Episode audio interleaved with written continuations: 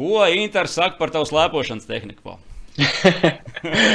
Mēs jau uh, vienmēr smejamies, kā pīla uz ledus. Un... Reputācija padakā ir tāda, ka Pauls ir uh, smagi strādājošs uh, braucējs. Pa to pirmo posmu, kas ir plānots Holandē 23. maijā, jau ir baumas, ka viņš nenotiks. Un uz ielas es ievēroju, ka jā, uz ielas meitenes baigs smuks, starp citu, brauc močiem. No? Ļoti smuki sēž, viss tas ir. Nu, tāds jūs sapratāt, ko es domāju.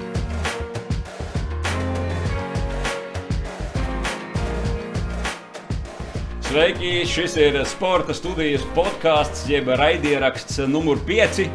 Tapis 2021. gada martā. Un, šis ir laiks, kad Rīgas un Latvijas ielās parādās pirmie moči, un es esmu pilnīgi pārliecināts, ka arī trasēs tā ir. Tāpēc mēs šodien šeit podkāstā runāsim par motocrossu.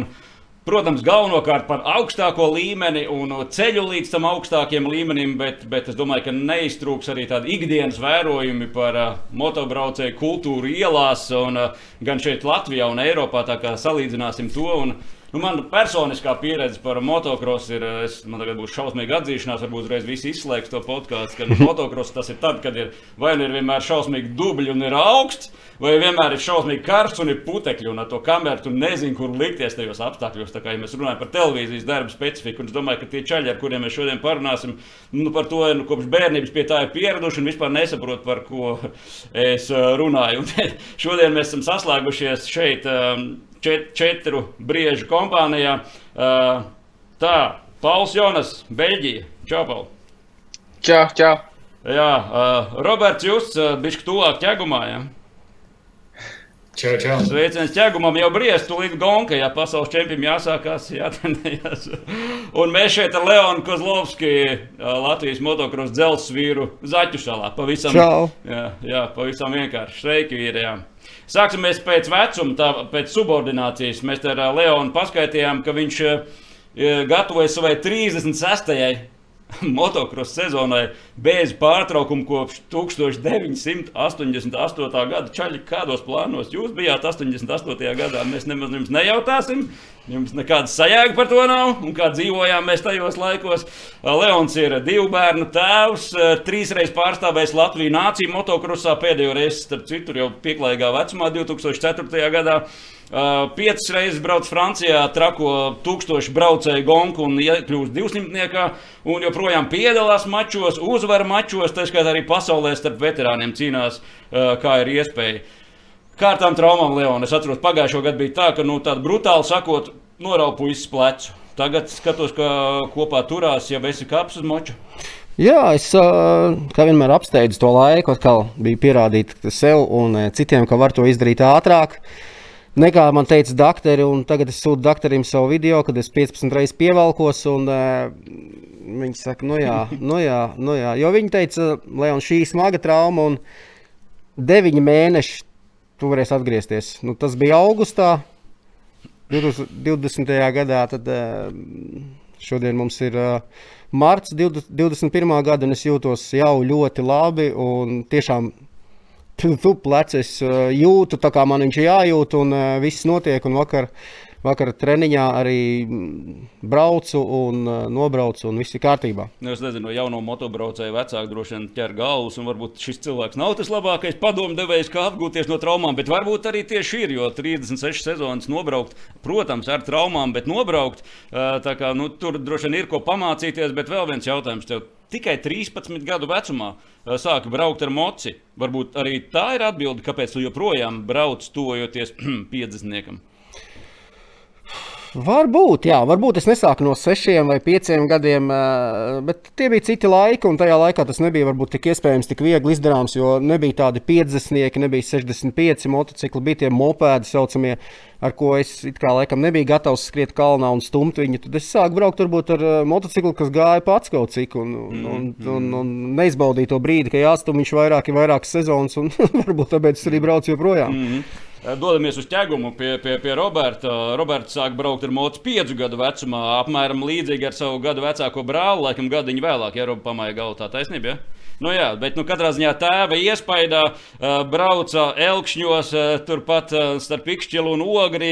Uh, 23 gadu vecumā Robis pārtrauca profesionālo motobraucēju karjeru smadzeņu traumu dēļ vairākas vienā sezonā. Iepriekš, protams, arī bija. Un, Ja nemaldos, tad uh, viņš bija pirmais latviešu motobraucējs, kurš noslēdz līgumu ar uh, Rūpnīcas komandu un, un cīnījās līdz 16. gadam. Uh, nu, tur ir daudz interesantu lietu, Rob, ko mēs varam nu, runāsim arī šodien. Bet šobrīd tu esi treneris, cik es saprotu, un arī trenē jaunos talantus, par kuriem mēs nu, ceram uz nākotni. Un viens no tiem ir arī Kārlis uh, Alberts Reišuls, kurš ir arī Olimpiskās vienības sastāvā, kā neolimpiskā sporta veikta dalībnieks. Bet, bet uh, pats vienkāršākais jautājums, kāda tagad ir tava dienas kārtība? Ja es tos jaunos jau pieminēju, tas ir tas tavs fokus šobrīd. Jā, jā, protams, tas ir. Uh Mans patstāvīgais darbs, ko es daru, ir trenēt jaunos džekus, pārsvarā latviešu sportistus, bet tad, kad mēs braucam uz nometnēm, tā kā tagad mēs bijām Spānijā, tad arī piebrauc ārzemju sportisti. Un, jā, tas arī ir tas, ko es daru. Mm -hmm, mm -hmm. Nu, tagad ķēgumā. Tu tur dzīvo vai trenē vai kāds viss kopā? Tagad es uh, sēžu šajā pašizolācijā. okay, un, uh, Bet, bet eh, tālītās jau beidzās, un tā kā, tā kā sāksim trenēties. Mm. Labi, lecam uz Beļģiju. Pie vēl viena čaļa, kas brauc, sāk braukt ar moci piecu gadu vecumā. Um, nu jā, Paulam droši vien tā vizītkarte tik plaša nav nepieciešama, bet nu, trīskārt viņš ir kļuvis par pasaules čempionu. Un, un, uh, tā kā uh, šogad Pauls pārstāvēs jaunu komandu, Gaz Rūpnīcas komandu, un, un tā ir viena no trim KTM grupas komandām. Un, un, Tā kā uh, būs interesanti, un tad pavisam citu, protams, skatījumu. Mēs no Paula gribam tādas detaļas vairāk uzzināt, bet, Paul, nu, tev pavisam vienkārši jautājums ir, kāda tev dienas kārtība šodien, ko tu paspējis izdarīt un kas vēl jāizdara? Nu, šodien tā dienas kārtība ir, kad esmu atpakaļ Beļģijā, aizvīju treniņu no Spānijā, un tad arī biju Austrijā divas nedēļas piestrādāt pie fiziskās sagatavotības, paslēpoju, un uh, tagad esmu atpakaļ Beļģijā cītīgi pastrādāšu atkal uz mocīti, pabraukšu pa smiltīm, jo, kā jau vairāk, varbūt tuvāk motokram stāvoši cilvēki zina, ka Spānijā tās trases ir vairāk cietākas un uh, varbūt fiziski netik smagas. Un tagad, tagad pastrādāšu pa Beļģiju kopā ar komandu, veiksim vēl pēdējos testus pirms sezonas, un tad jau jācer, ka mājas beigās sāksies sezona. Ok, ar šo mēs arī sākam nu, plašāku sarunu. Kaut gan zinot to, ka mēs tur neko daudz nevaram ietekmēt, es aicinu tā diezgan ātri ietai tēmai pāri ar uzsvaru, ar cerību, ka sāksies sezona. Tātad pasaules eh, čempionāta posms pirmais šobrīd kalendārā ir 23. maijā Holandē.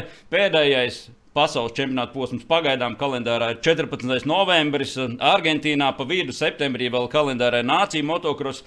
Es pieļauju, ka tie šobrīd ir vēl sapņi, un katram noteikti nu, Leons gatavojas visticamāk sezonai, kas, kurai vajadzētu sākties Latvijā.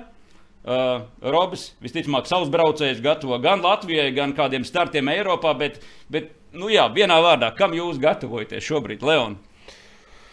Gatavojamies tam, lai vispār sāktos sezona. Es ceru, lai viņi sākās, visiem novēlu, lai viņi sākās tajā laikā, kad ir paredzēts sākties. Jo gatavoties pagaidām ir diezgan grūti, kam jau tā motivācija kaut kādā brīdī pazūd, jo tu īsti nezini, re, ka tūlītās mums jau pašiem jāskatās, kas notiks nākošais nedēļa pie mums. Nu, atkal ir kaut kādi jauni likumi, tiks pieņemti, kur tu drīkstēsiet, kur tu nedrīkst. Tāpēc tāda ļoti, ļoti sarežģīta sportistiem tā dzīve šobrīd ir. Tāpēc, kad nu, mums ir jāgatavojas kaut kam, ko mēs nezinām, kad tas būs. Un iet zālē, motivēt sevi skriet vai darīt. Un tu nezini, varbūt maijā, varbūt jūnijā, varbūt jūlijā. Mm. Tieši tāpat kā uh, Paulam, kam vispār ir smaga tā situācija, ka tu, tev jābūt top formā visu laiku kaut kādā brīdī, bet tu nezini īsti kad. Nu, kam mums gatavoties. Mēs gaidām to brīdi, kad mums patiešām pateiks, ka tas viss ir beidzies kaut kādā brīdī, un mēs zinām to savu grafiku, un tad jau daudz vieglāk strādāt. Pagaidām tas viss ir ļoti grūti. Bet, nu, gatavojamies es Latvijas čempionātam, Latvijas kausam. Viss Latvijā, es ceru, notiks, un, un brauksim un sekosim līdzi un, un darīsim. Ko tas jaunajiem braucējiem, kuriem ir 15, 16, 17 gadi, ko šī situācija ietekmē Robiju, nu, nu kā viņa attīstībai? Varbūt labi, ka nav sacensību, tur vairāk trenēties. Tā varbūt tā salīdzinoši ar tiem uh, GP braucējiem, kam ir, uh, kas, zin, kā vairāk nav tā, ka viņi var kaut ko, iemā, nu, kaut ko jaunu iemācīties, bet viņiem ir vienkārši jānokļūst savā tajā top formā. Un uh, tad ir jāzina, kad ir kad ir tās sacensības, un jo tas nav tik vienkārši izdarāms. Un jauniem braucējiem ir drusku citādāk, tāpēc, ka viņiem daudz kas ir jāiemācās, un mēs šo periodu izmantojam tieši tam, lai iemācītos kaut kādas jaunas tehniskas lietas, lai, lai piestrādātu pie tām, pie tām lietām, kas iepriekšējos gados bija negāja tik labi, un, un, un, un tā kaut kā. Bet, protams, arī, arī jauniem sportistiem ir jābūt uh, labākajā formā, tad, kad uh, būs tās atbildīgākās sacensības. Un, uh, un, un, un tas, tas varbūt tās ir vairāk kā man. Uh, jāizplāno kā, tā, lai. Kāda ir tā kopbilde, varbūt kāda ir tā kopbilde Eiropā? Nu, tie nacionālie čempionāti, kas ir alternatīva pasaules un Eiropas čempionātiem, kur pabraukt, nu, tur Anglijā, Nīderlandē, es nezinu, kādi vēl ir tie top čempionāti, kur, kur braukt, B plāns, vispār tā var pateikt, ka ir kāda valsts Eiropā, kur būs? Jā, tagad šonadēļ, šajā nedēļas nogalē būs Itālijas čempionāts un uh, Spānijas čempionāts. Un, un, un uh, Holandas čempionāts it kā plānojās, bet izskatās, ka tiks uh, pārcelts vai, vai, vai atcelts. To mēs vēl īsti nezinām. Uh, Bet uh, maniem sportistiem mēs izlēmām nestartēt ne Itālijas čempionātā, ne Spānijas čempionātā, tāpēc, ka uh, mums uzsvars tika, tika likts uz Eiropas čempionātu un, uh, un, un, un pasaules junioru čempionātu. Tad uh, 105 klases braucējiem tas būs uh, tikai augustā vai septembrī, tāpēc ir uh, ļoti, ļoti daudz laika. Un tāpēc arī nesākām to sezonu tik laicīgi. Mm -hmm. Kā Kāda vispār cits. kopumā ir šī, šī, šī industrija? Vai šī industrija nu, tajā top līmenī var iztikt bez skatītājiem, Pauli? Uh, jo nu, pagājušā sezona jau noteikti bija ar lieliem zaudējumiem un, un meklējot to ABC plānu. Tagad ķēguma posms ir ieplānots 20. jūnijā, bet, nu, bet, bet arī runājot ar Kristēnu Sērģu, viņš saka, nu, arī ar lielajiem šefiem sarunās. Nu, visu laiku ir liela jautājuma zīme. Jo nu, tas skatītāja faktors laikam ir tomēr ārkārtīgi svarīgs šajā industrijā. Jo viņi nav tik bagāti, lai aizslēgtu tribīnas un vienkārši brauktu savam priekam pa visu pasauli apkārt. 19 posmi, nu, tas ir vaiprātīgs izmaksas. Jā, pavisam noteikti. Es domāju, ja būtu atļauts skatītāji kādā no valstīm, tad tur arī tie posmi notiktu ātrāk. Bet šajā brīdī arī tā, ka par to pirmo posmu, kas ir plānots Holandē 23. maijā, jau ir baumas, ka viņš nenotiks, jo ļoti liela iespēja, ka tur nevarēs būt skatītāji, un organizators ir pateicis, ka bez skatītāja viņš šo posmu nerīkos. Un tāpēc pavisam noteikti tā motocross industrija nav tik liela, ka viņi var pavilkt to visu bez skatītājiem. To jau nācās jūstrīmam, un kas tagad ir infrons darīt pagājušajā gadā kopā ar organizatoriem, viņi vienojās, ka tie trīs posmi katrā valstī notika bez skatītājiem, bet kopumā es domāju, viņi negrib, negrib aizdīt vēl vienu sezonu ar tādiem zaudējumiem. Bet, uh, manuprāt, ja nav citu variantu, tad ir visiem nedaudz jāsavelk jostas un jāaizved šīs sacensības, jo arī bez sacensībām tā industrija grimst vēl dziļāk. Jā, kaut kādam plānam jābūt. Labi, šo lietu laikam mēs baigi ietekmēt, te sēžot pie, pie televizora nevaram. Tāpēc mēs parunāsim varbūt par personiskākām detaļām. Pauli, tu teici, ka es atgriezies no Austrijas treniņu nometnes divas nedēļas. Tavs fiziskās sagatavotības treneris ir Inters Berkulis, kurš ir uh, trenējis ilgstoši arī Andreja Rastergūja. Ko Inters saka par tavu slēpošanas tehniku? par slēpošanas tehniku daudz komentāru viņam nav. Mēs jau uh, vienmēr smejamies, kā pīles ledus. Bet uh, man personīgi tas ļoti patīk. Un, uh, ir kaut kas citādāks, jo ikdienā vairāk skrien, minies ar riteni, aizved treniņu svaru zālē, brauc ar motociklu. Un tad šajā, šajā sagatavošanās periodā izmantoju novembrī desmit dienas slēpošanai, un tagad atkal uh, bija Austrijā divām nedēļām paslēpot. Jo, kā jau teicu, es neesmu ļoti tehnisks slēpotājs, nebiju ļoti sen slēpojis, tā kā man jau uh, tas vairāk tā slēpošana ir caur spēku un slēpoja ar spēku. Un tas uh, pulss uzreiz ir augstāks, kas ir tuvāk atkal motokrosam un ieslēdzās viss ķermenis. Tā kā tas kopumā ir ļoti labs treniņš. Un uh, šīs divas nedēļas, ko pavadīju Austrijā, es domāju, dos man ļoti lielu spērienu uz priekšu. Leon, tu arī uzslēpo? Jā, tas ir tāds populārs moto braucējiem ziemas. Jā, es biju šogad arī diezgan daudz slēdzošu reizes uz biķeniekiem. Un, un Zini, daudz satiku motobraucējus, kas tieši slēpo arī. Nu, tā, tā, kā Pauls teica, mēs neesam nekādi baigākie tehniskie slēpotāji, bet kaut kā mēs tur kārpamies un tas pulss ir augšā. Viņi pat varbūt var vairāk dabūt augšā to slēpošanu nekā skriešanu un tur riteņbraukšanu tagad. Un tad tas sporta veids ir tāds jauns arī, nu, tāpēc, kad uh, ir tās ziemas, cik mums ir, tāpēc arī mēs tā slēpotāji beigās neesam. Nu, tad, tad, nu, tehniski mēs to nemākam, bet kaut kāds spēks ir un mēs tur ejam uz priekšu un, un tīri jau forši. Un biķiniekos paslēpo un kāds aizslēpo garām, tad sāc mokt aiz viņa un, un tā mm. mācies. No tā tu mācies. Jā, jā par to pulsu es arī pārliecināts uz savu sādus, kas ir notiek ar pulsu pēc 200 noslēpotiem metriem. Jā, jā, tev pašam jā, liekas, ka jā, viss ir kārtībā. Jā, nē, nē, forši, forši. forši uh, Paul, labi, ok, kāda ir tava komanda, varbūt tā personiskā? Nu, mēs zinām, ka tev ir jauna komanda, kurā tu startēsi, bet kāds ir cilvēku lokus, tuvāko cilvēku lokus, kas tev palīdz, kāds ir tas modelis šobrīd? Uh, tā ir, ka šo gadu uh, varēja pats izveidot teiksim, tādu savu komandu apkārt gan ar fiziskajiem treneriem, gan ar visiem cilvēkiem. Tā kā uh, šogad fiziskajā sagatavotajā strādāju ar Interberkulu un uh, vēl Oskars Mužnieks man palīdz ar visādiem vingrinājumiem, nedaudz konsultējos arī ar viņu. Un tad braukšanā man ir, protams, Harijs Everts, ar ko jau strādāju vairākus gadus, un viņš ir tāds, teiksim, pozitīvais cilvēks komandā, kurš uh, vienmēr zinās, kā uzmundrināt, un uh, arī sliktajās dienās, un, kad vajadzēs, tad uh, tas atdos iekšā kārtīgi. Un, uh, protams, Kristers, menedžeris un tētis, draudzene, cilvēki apkārt, tie visi paliek tā komanda. Bet, uh, kā es teicu, ar šo gadu var izveidot uh, to savu komandu un var strādāt vairāk pēc savām izjūtām un uh, ieklausīties savā ķermenī. Tā kā nebūs nekāda atruna sezonas beigās. Ja? Bija brīvas rokas komplektēt savu blīci. Jā, tieši tā, atrunas nebūs. kas, kā pašam, kas, jā, kāds princips moču arī... skrovēšanā? Moču skrovēšanā par to man vispār nav jāuztraucās. Tur tā ir rūpnīcas komanda, tur viss ir augstākajā līmenī. Man ir treniņu mehāniķis, sacensību mehāniķis, eh, komandā, komandā ir tāds virsmehāniķis, kas skrūvē, skrūvē motorus un visu, visu pārvaldu, tā kā par motocikliem vispār nav jāuztraucās. Un līdz šim esmu bijis ļoti apmierināts, kā viss notiek. Un uh, varētu teikt, ka mocīts iet, iet, iet labāk nekā un iepriekšējos gados ir gājis. Mm.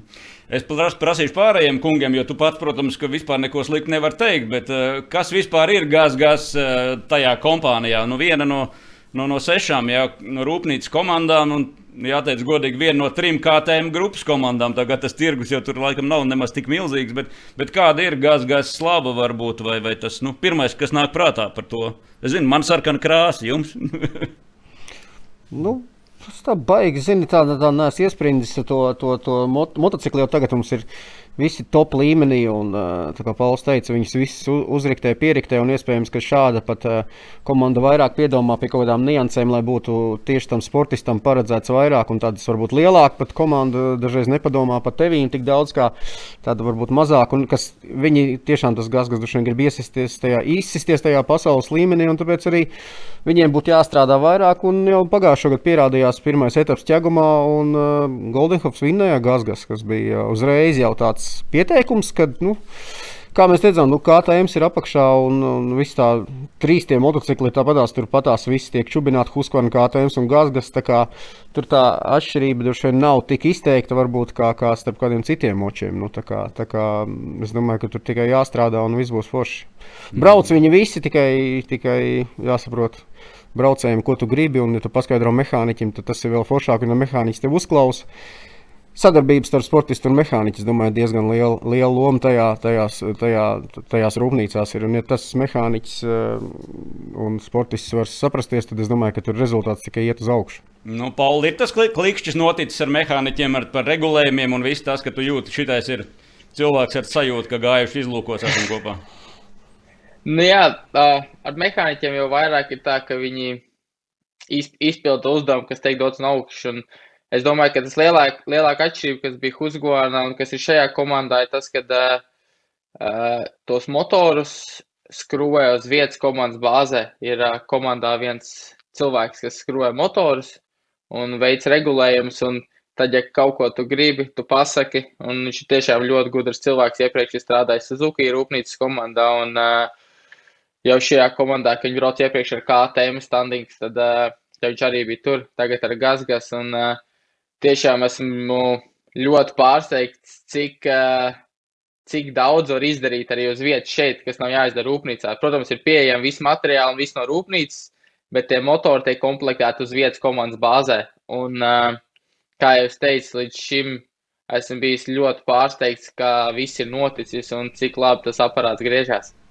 Nu, Tikai es teicu, nu, ka varbūt iespējams ir tā pieeja vairāk tam, tam tieši pie tā motora, lai tu varētu saprast, kā tev vajag un ko nevajag. Mm -hmm.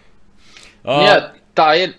Jo iepriekš, ja teiksim tā, Husqvarnā tie motori tiks skrūvēti rūpnīcā, tāpatās kā KTM, tad šeit ir tā sajūta, ka, uh, ka tā komanda un cilvēki paši grib būt labāki visiem pārējiem. Rūpnīcā viņiem ir vienalga, vai vinnē KTM vai Husqvarna vai Gazgas, nu, jo tā ir viena grupa ja kāds būs augšā, būs labi. Bet šeit ir tā, ka komandā uz vietas viņi grib, lai tieši mēs esam priekšgalā. Tāpēc varbūt tiek, tiek nedaudz vairāk pie tā viss piestrādāts un piedomāts pie tādām niansēm. Mm. Nu, par to vispār to komandu dalījumu. Kā, kā, tu tagad pie, pieminēji, ja kāds būs augšgalā, un man liekas, tā kā tā M komanda pēdējos gados, nu, labi, tagad ir, protams, arī citi braucēji, un forši, paldies Dievam, droši vien tā, ja tam seriālam, ka ir ne tikai viena komanda, bet nu, nu, tā tendence, kā vispār, Robert, nu, kā uz KTM galveno komandu nu, tajā virtuvē vispār skatās un skatījās, varbūt, nu, ka viņi bija tik izteikti dominējoši. Nu, kas tas bija pa klubiņu, kur Paulam arī uh, izdevās karjeras tajā GP karjerā? Karjeras sākumā braukt. Nav kaut kāda vispār snobu tur komanda kaut kāda. Nē, ja tā skatās, tad, protams, tu, tu skaties vienmēr kā tiem braucēji priekšgalā un, un, un, un vienalga, izskatās, liekas no malas varbūt tās, ka vienalga, kurš tur brauc ar to kā tiem ir priekšgalā, bet tā jau nav tā. Tur jau tā lieta, ka tā komanda izvēlās labākos sportistus savā komandā un materiāli viņam ir pietiekuši labi, lai, lai uzvarētu. Un, un tas viss kopā veido to rezultātu. Nav tā, ka paņem kuru katru no malas un uzkāpjas kā tēma un brauc pa priekšu. Nu jā, bet kā, pārējiem tā nav tā tāda sarkan, tā sarkanā lupata bulim, ka nu, vinnēt viņus ir daudz garšīgāk nekā pārējos. Nē, nu, tā varētu būt. Jā, sevišķi tā MX2, MX2 klasē. Cik, cik es zinu, tad Yamaha komanda jau nezinu, cik gadus uh, ir bijusi tuvu, lai, lai, lai varētu konkurēt ar, uh, ar KTM, bet uh, vienmēr ir nedaudz soli aiz, aiz KTM komandas. Jā. Bet uh, runājot par gaz-gaz, es domāju, ka uh, standing construct komanda ir viena no pieredzējušākajām komandām uh, GP padokā. Un uh, arī tad, kad viņi nebija rūpnīcas komanda, uh, bija es teiktu, labākā privātā komanda no, nu, tā kā satelīta komanda no, no visām pārējām. Es domāju, tur džekiem ir liela pieredze un, un nevienā brīdī uh, nav sliktāka par, par jebkuru citu uh, rūpnīcas komandu. Jo varbūt tās daudziem tas liekas, ka ir jauna komanda vai kā, bet uh, tā komanda jau, jau eksistē nezinu, vairāk kā desmit gadus. Mm. Man vismaz, cik es atceros, man liekas, vairāk kā desmit gadus. Mm. Labi, par tavām, uh, Roberta, uh, insēta zināšanām. Nu, Paulam ir komandas biedrs Brains Bogers. Uh, laikā, kad tu vēl pats brauci, pirms, nu, ak, Dievs, pirms pieciem gadiem, ja, pēdējā sezonā. Jūs bijat vienā komandā, vai ne? Jūs bijat komandas biedri. Ar, jā, ko, ar ko jā. Paulam ir jārēķinās padokā, boksos, ar nezinu, nolaistām riepām. Es nezinu, ko jūs tur darat, vai ar ko, vai pienestām sviestmaizēm, vai, vai kāda būs tā viņiem tā čomu būšana tur. Nē, nu, mums jau kā bija, tā, kad uh, mēs sākām braukt HSF komandā, tad uh, tos pirmos pāris mēnešus baigie draugi nebijām.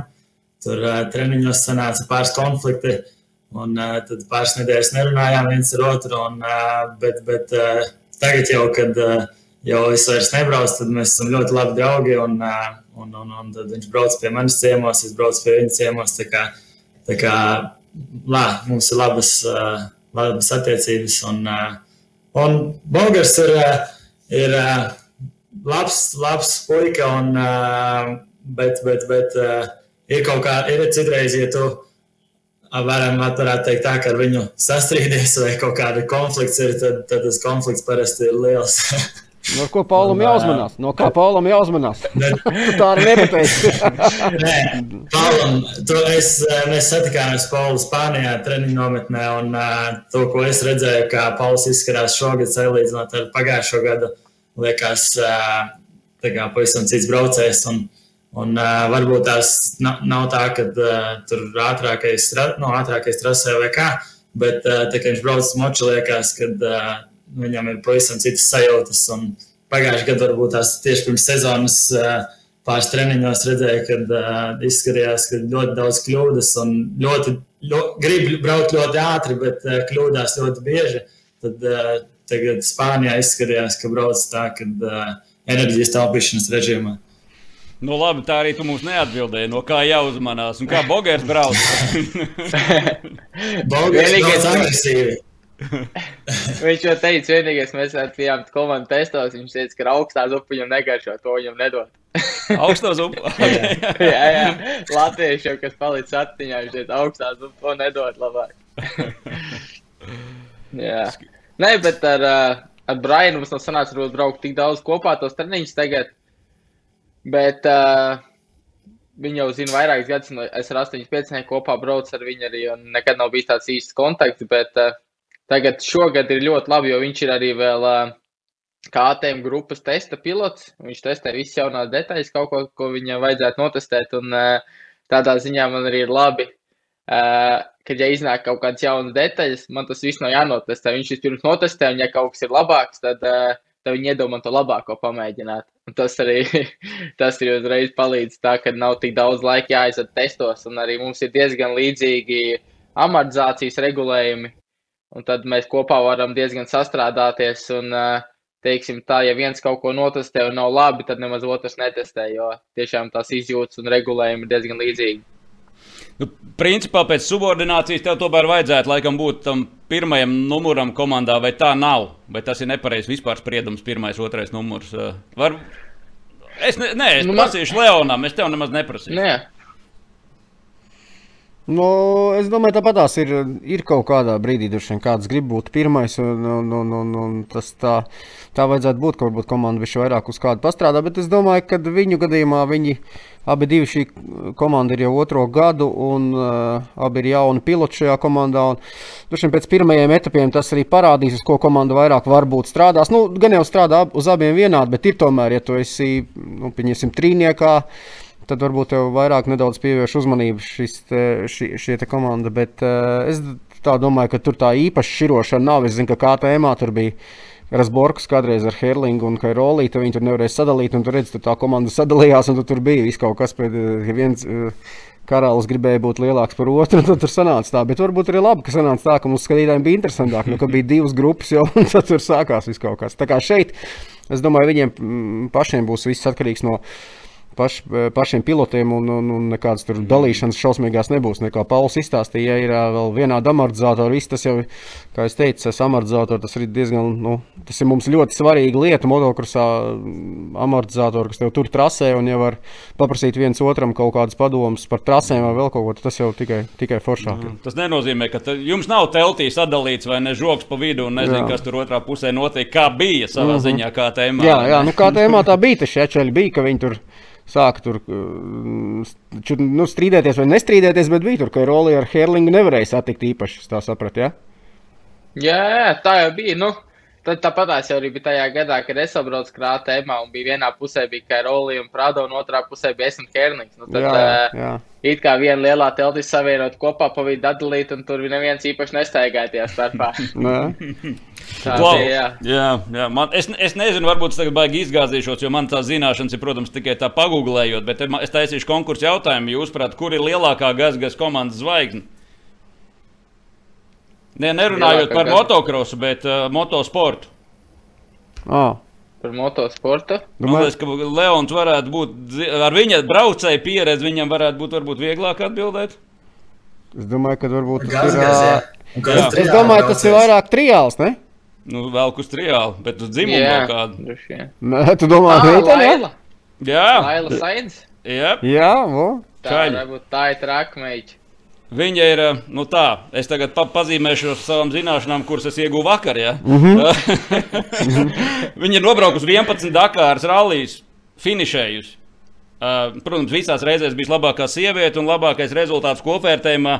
Devītā vieta Dakāras rallijā pirms pieciem gadiem. Bet, uh, nu, ja, ja vērtē tos Instagram arī sekotājs skaits, Pauli, piedod, tur ir kur vēl saraut. Protams. Uh, bet, bet nu, vispār, dā, dāmas tajā industrijā, nu jā, tu pieminēji to, to laju, ja? tu esi viņu saticis, zini, kā, kā, kā viņi to vispār. Es, jā, sanāca tā, ka uh, es, kad biju KTM komandā, viņa, viņa tajā laikā arī brauca ar KTM vēl, un uh, jau tajā laikā bija tāda, ne, viņa nebija tieši rūpnīcas komandā KTM, bet viņa tika atbalstīta, un tad uh, sanāca kaut kādā vienā Ziemassvētku KTM pasākumā satikt viņu un te parunāt, un uh, viņa tiešām traka, traka meitene, un uh, Es zinu, ka vienmēr džekas brauc tur Dakārā. Viņi smējās, ka viņam pirmais mērķis ir apdzīt Lailu, un tad uh, vienalga, kurā vietā viņi finišē. tas nav tik viegls uzdevums. tas nav tik viegls uzdevums. Es atceros pat, uh, kad pārgāja Andrew Shorts, kas motokrosā ļoti labi brauc un superkrosā Amerikā uz Dakāru pirmos gados, un tad pēc tam viņš teica, nu, ka pēc pirmajiem posmiem viņš teica, dabūja vakarā knap arī aizmigt, jo viņam priekšā sieviete bija.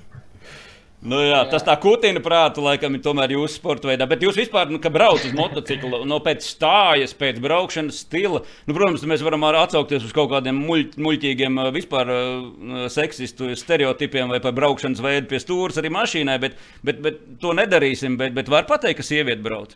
Blaigi. Mans viedoklis, kad skatās, nu, nē, viņas tās pirmās četras, piecas tajā pasaulē laiž tīri.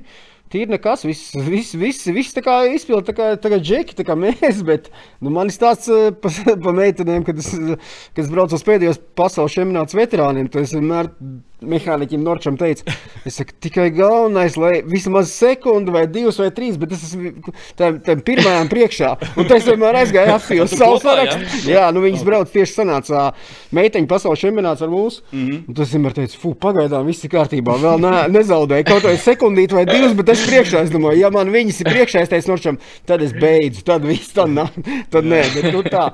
Iekrit arī Anglijā bija tas setups toreiz, un arī bija, laikam, meitenes, un tas arī vēl noturējos. Bet es domāju, Itālijā kaut kādās cietajās trasēs, tur tās pirmās itālietes, es domāju, ka tur nesās traki. Tur, tur man diezgan grūti manos 47 gados iet ar viņām, bet nu, bet, nu tā.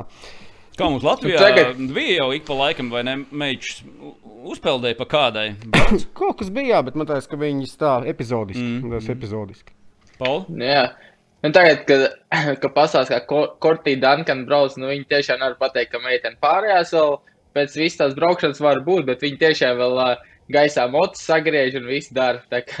Krosa čempiona pasaules. Jā. Mm -hmm. jā, jā, jā. Nu, kaut arī es nekad neesmu īpaši atbalstījis to, to meiteņu, meiteņu braukšanu moci. Man tas kaut kā liekas, tomēr, tomēr bet nu, tā pasaule mainās. Un kādreiz nebija meitenes tik daudz motociklu, motociklu brauc. Bet, Nu, ja man brauc, pieņemsim, es mācu arī apmācu braukt cilvēku ar močiem, un, un meitenes atbrauc un es saku, tikai nedomājiet par sacensībām. Iemācieties braukt, brauciet, pabrauciet, pavizināties treniņus, lai ir tas viss jums uz ielas, arī viņas brauc daudz ar močiem.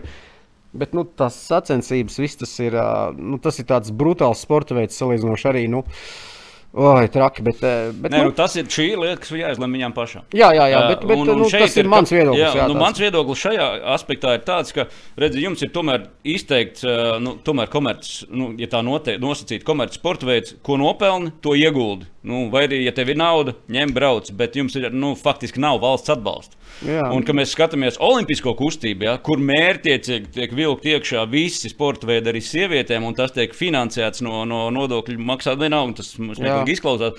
Un tur tas ir brīžiem ir kroplīgi. Ja mm. cilvēks grib braukt, sacensies, un ja ekonomika to var pavilkt, un tu pats vari pavilkt, lūdzu, mm. uz priekšu, tad jau tā, tā nav mūsu darīšana. Mm -hmm. Tas ir mhm. viņam pa brutāli. Jā, jā, tas ir, jā, jā. To mēs varam tikai, tikai, tikai no, no malas varam jā. parunāt. Uh, bet vispār, man liekas, ka Rīgas ielās un Latvijas ielās, man liekas, katra trešā jau ir meitene uz moču. Kāda, kāda jums ir vērojama? Jā, jā, jā, daudz meitenes brauc. Jā, jā, jā, māc, viņas brauc. Nu, man šķiet, pa, ielu jau, ka brauc, tas jau forši ir. Kāpēc? Nē, nē, pa, es jau nerunāju par ielas braukšanu, es runāju tieši par motociklu. Jā, par motociklu. Tas pa ielu, jā. Kad, okay. kad, kad saka, nu, es, es tā parādu, ka tu neesi to nekad īsti uzskatījis par, uh, ka tur tas būtu jādara sievietēm. Bet, nu, tā ir pat katra brīva izvēle, protams. Un uh, uz ielas es ievēroju, ka jā, uz ielas meitenes baigs muks starp citu braucam očiem. No? Ļoti smuki sēž, viss tas ir. Nu, tāds, jūs sapratāt, ko es domāju. Viņas tā Jā. savādāk nekā veča. Jā, meitene tā, viņa tā tiešām tā, tā smuki izskatās, matiņa aizmugurē, ka, un tā viņa tā, tā arī moderna un stilīgi piebrauc, un tu redzēt, ka, eh, ka zaķis piebrauc pie, pie krustojuma. Tas man būtu šausmīgi. Droši, man ir grūti. Ar mani divu gadu motobraukšanas stāžu tur zina, uzreiz, kas galvā notiek. Čalīt, sēdi biksēs, nestreso, nestreso, brauc mierīgi. Jā, jā. Nē, bet, eh, bet forši, jā, nu, Jā. pa ielu nav vispār nekādas mopēdi, mo, ar motorolleriem super, nu, bet mm. ar močiem arī daudz sāk, sāk braukt. Galvenais jau, nu, tas viss ir domāt ar galvu, ka viņas brauc, un ka džeki brauc, jo moči tomēr, nu, tas tomēr ir bīstamāk nekā ar mašīnu pa ielu, jo, jo nav karkas riņķī un vienmēr kaut kāda brīnuma šī. Atgriezīsimies varbūt druskuļi pie Paula un Roberta. Es tev gribētu pajautāt par Paula varbūt tādu vizītkarti vai, vai, vai, vai, vai, vai statusu varbūt tajā motocross sabiedrībā. Mēs zinām, ka viņš ir pasaules čempions, bet uh, viņš visu laiku kaut ko maina pēc gan arī katras sezonas. Uh, ko, ko par tādiem čaļiem domā tajā elites, elites klubiņā, vidē, nu, komandās? Uh, Tas ir normāli vai, vai, maina vai kaut tas- kāds kaprīzais, kuram tā nav labi? Ko maina tas komanda? tā kā Jā, vai- jā, vai- jā. vai- Nu, visu laiku kaut kas nav labi. Jāiet tālāk, kaut kas jāmaina. Viens treneris, otrs nu, pārspīlēju, bet nu, kāda ir viņa reputācija padokā šajā ziņā? Nu? Reputācija padakā ir tāda, ka Pauls ir uh, smagi strādājošs uh, braucējs. Uh, varbūt tās nav tas uh, no talantīgākajiem, kas brauc varbūt tās tā ļoti viegli un jau no, no pašas bērnības. Bet uh, tie, tie ir tāds smagi strādājošs čeks, kas, uh, kas viss sasniedz ar smagu darbu. Tā ir tā vizītkarte, kāda ir GP padakā. Un, un, un par tām komandu maiņām vai ko tādu, es domāju, tas vi- Nu, visi maina komandas, un, un gan treneris, gan viss tur mainās mehāniķi. Beigu beigās ir tā, ka tie visi, visi eh, tas motocross padoks mainās uz riņķi, viens pie iet pie otra, otrs pie nu, tā kā tā apmēram arī izskatās. Tā arī ir. Tā Tur viss, tā. viss rotē savā starpā. Beig, beigās nonāk atpakaļ. Tur tāds. Nekāriķi un viss. Tā ir. Jā. Jā. Nu, par rotēšanu apkārt mēs varētu pa parunāt par tavu cepurīti, Pauli, vai ne? Nu, kad Viss arī- nāk atpakaļ. Nu, jā, pa, nāk kā atpakaļ. tu pats teici, atgriezies mājās, bet nu, nu, tikt atpakaļ Red Bull tajā paspārnē bija vienkāršs solis tev, jo, jo aizejot uz Husgvarnas komandu, tev laikam automātiski nāca tas, ka tev bija jānomaina cita buļģa tur- rokā enerģijas dzērieni. Ja? Tur nebija laikam tev izvēle. Ja? Tur nebija variantu, jo mēs gribējām turpināt strādāt ar Red Bull, un uh, Red Bull gribēja turpināt strādāt ar manīm, bet uh, tur tiešām nebija variantu, jo tas ir Husqvarna un uh, Rockstars. Tas ir tieši globāls, globāls līgums, un tur uh, nebija variantu. Bet tāpēc tikko, kā, kā parādījās iespēja, jo pirmās runas, kas varētu iet uz gazgas, uzreiz sazinājāmies ar Red Bull uh, cilvēkiem, un viņi bija, viņi bija gatavi, gatavi nākt atpakaļ. Un, kā es teicu, esmu priecīgs atpakaļ atgriezties tā Red Bull ģimenē. Bet tas atbalsts ir tāds pats, kā bija tajā laikā, kad tu biji Red Bull KTM Factory Racing Team, vai, vai tomēr šis ir Latvijas kaut kāds līmenis, cita cit, cita veida sadarbība? Un, un, protams, tas ir iesākumā tas ir Latvijas līmenis, un arī, ka iepriekš es sāku ar, ar KTM, tas bija soli pa solim, ir jāiet uz augšu atkal. Un, uh, tagad uh, sākam varbūt ne, ne no pašas apakšas, bet uh, ar to atbalstu no Latvijas. Un katrs mazākais atbalsts ir, ir ļoti svarīgs, un uh, Red Bulls ir tiešām tāda globāla, ļoti liela kompānija ar ļoti labu imidžu. Un, uh, un tas, uh, tās, tās opcijas, ko viņi dod, tā prasa, tā treniņa bāze un, uh, un tā pieeja. Pieņemsim, viena arī lieta, kas ir svarīga, ir uh, sacensību dienā, tā Red Bull ēstuve, kurā var iet uh, kārtīgi paēst labu ēdienu, un uh, tas arī tiešām ļoti liels plus. Jā, un tad uh, tas viss ir, tas ma liekas maz sīkuņi, bet beigās tas ir ļoti liels atbalsts arī tāpat. Bet finansiāli tā tad treniņu procesam vienkārši kaut kāda tīra, skaidra nauda ir tavā rīcībā arī šai līguma ietvaros. Jā, jā, jā, ir atbalsts uh, arī tādā ziņā, lai varētu, kā jau es iepriekš teicu, es uh, šajā gadā bija nedaudz jāspēr solīts atpakaļ, un uh, tāpatās visu treneru atalgojumu un uh, nokļūšanu sacensībām jāatcēc pašam. Mm. Labi, bet ieviesīsim tajā visā lietā tomēr skaidrību, jo tad, kad tur sākumā parādījās šī ziņa, tad likās, ak, vai Jonas ir tajā kategorijā, kur viņam ir eh, jānāk ar naudas koferi, ja, un lai, lai lūdzu ļaujiet man startēt pasaules čempionātā. Nu, tā gluži nav. Tu esi profesionāls braucējs, kurš arī no komandas saņem nu, pastāvīgu braucēju algu. Es nezinu, cik lielu, bet nu, nu, tomēr tev tas status neko nav mainījies būtībā no iepriekšējā gada. Ir tikai papildus, varbūt tās papildus pozīcijas ir jānosedz pašam, ja kaut kādas. Jā, privātās. tā ir. Tas ir privātās un vienkārši tās papildu izdevumi. Nu, komanda nodrošina motociklu, un, kā es teicu, pārējais treneri, nokļūšana uz sacensībām un dzīvošana, viss tas man jāstāsta pašam. Tā kā beig beigās tas jau savācās diezgan nopietna summiņa. Nu jā, bet, bet alga tev maksā kā braucējiem. Es atvainojos, es baigu piekasīgs tagad.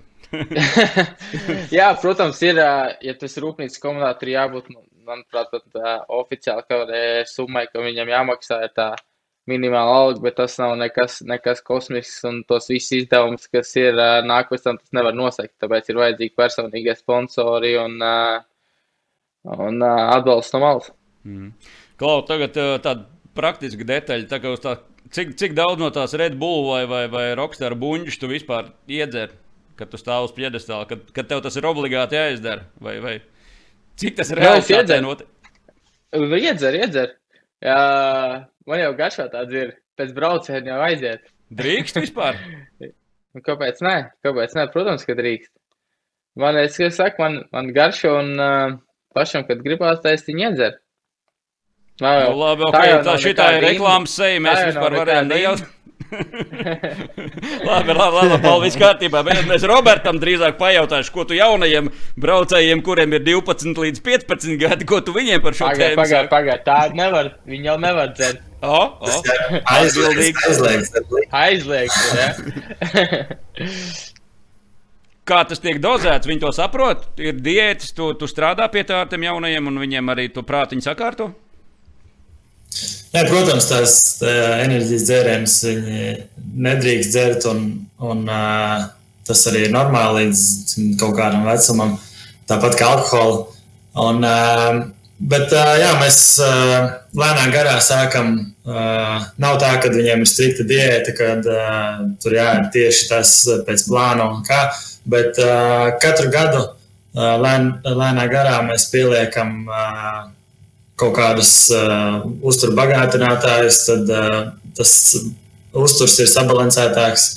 Un, uh, nu, es ļauju saviem sportistiem lēnā garā apgūt to, to uzturu, kas viņiem ir vajadzīgs. Un, lai nesanāk tā, ka uh, jau tur 13 gados viņam ir jāēd tā kā, tā kā pēc grāmatas. Un, un, un, un es domāju, ka tas ir nedaudz uh, varbūt tās uzspiests vai, vai nepareizi. Nesanāk tā, ka pēc uh, 18 gadiem viņš saka, ka nē, es tikai hamburgeru sēdīšu un, un, un frīku kartupeļus. Tāpēc to visu lēnā garā, uh, lai, lai viņi nonāks līdz tam uh, pasaules čempionāta līmenim, lai tad arī viņiem ir pašiem vēlme to. To, uh, viņiem ir zināšanas, un, un, ja viņiem ir vēlme sasniegt mērķus, tad viņi to pašu, paši darīs. Mm.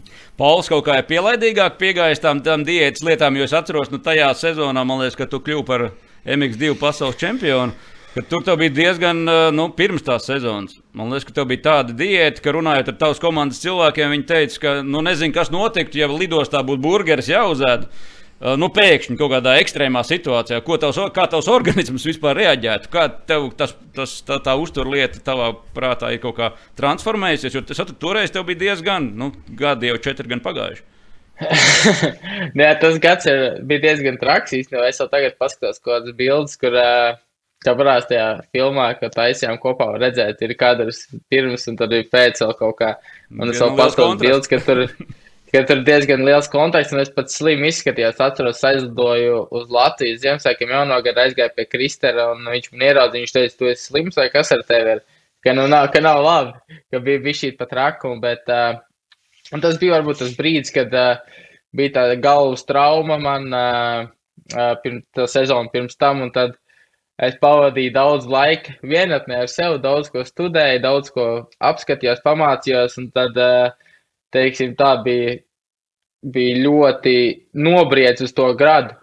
Pārmācījos, bija ļoti nobriedz to gadu, varbūt pat pārspīlēt dažām lietām, un uh, tāpēc varbūt bija nedaudz pat raku. Bet uh, tagad, manuprāt, esmu atradis tādu ļoti labu balansu ar diētu un uh, kopumā rēšanu. Un ir tā, protams, kā Roberts arī teica, ka jauniešiem, manuprāt, tajā vecumā, kas ir uh, 12, 13 gadi, viņiem ir jāēd to, ko viņam ķermenis prasa. Ok, varbūt katru dienu nevajagēs hamburgerus, bet uh, vēl tajā laikā to nevajag tik ļoti ievērot, jo tā jaunībā tu patērē tik daudz, vienkārši tas ķermenis jau paprasta tik daudz priekš augšanas, un um, tādām pat bez fiziskām aktivitātēm ķermenis sadedzina daudz kalorijas un paprasta daudz no tā ēdiena.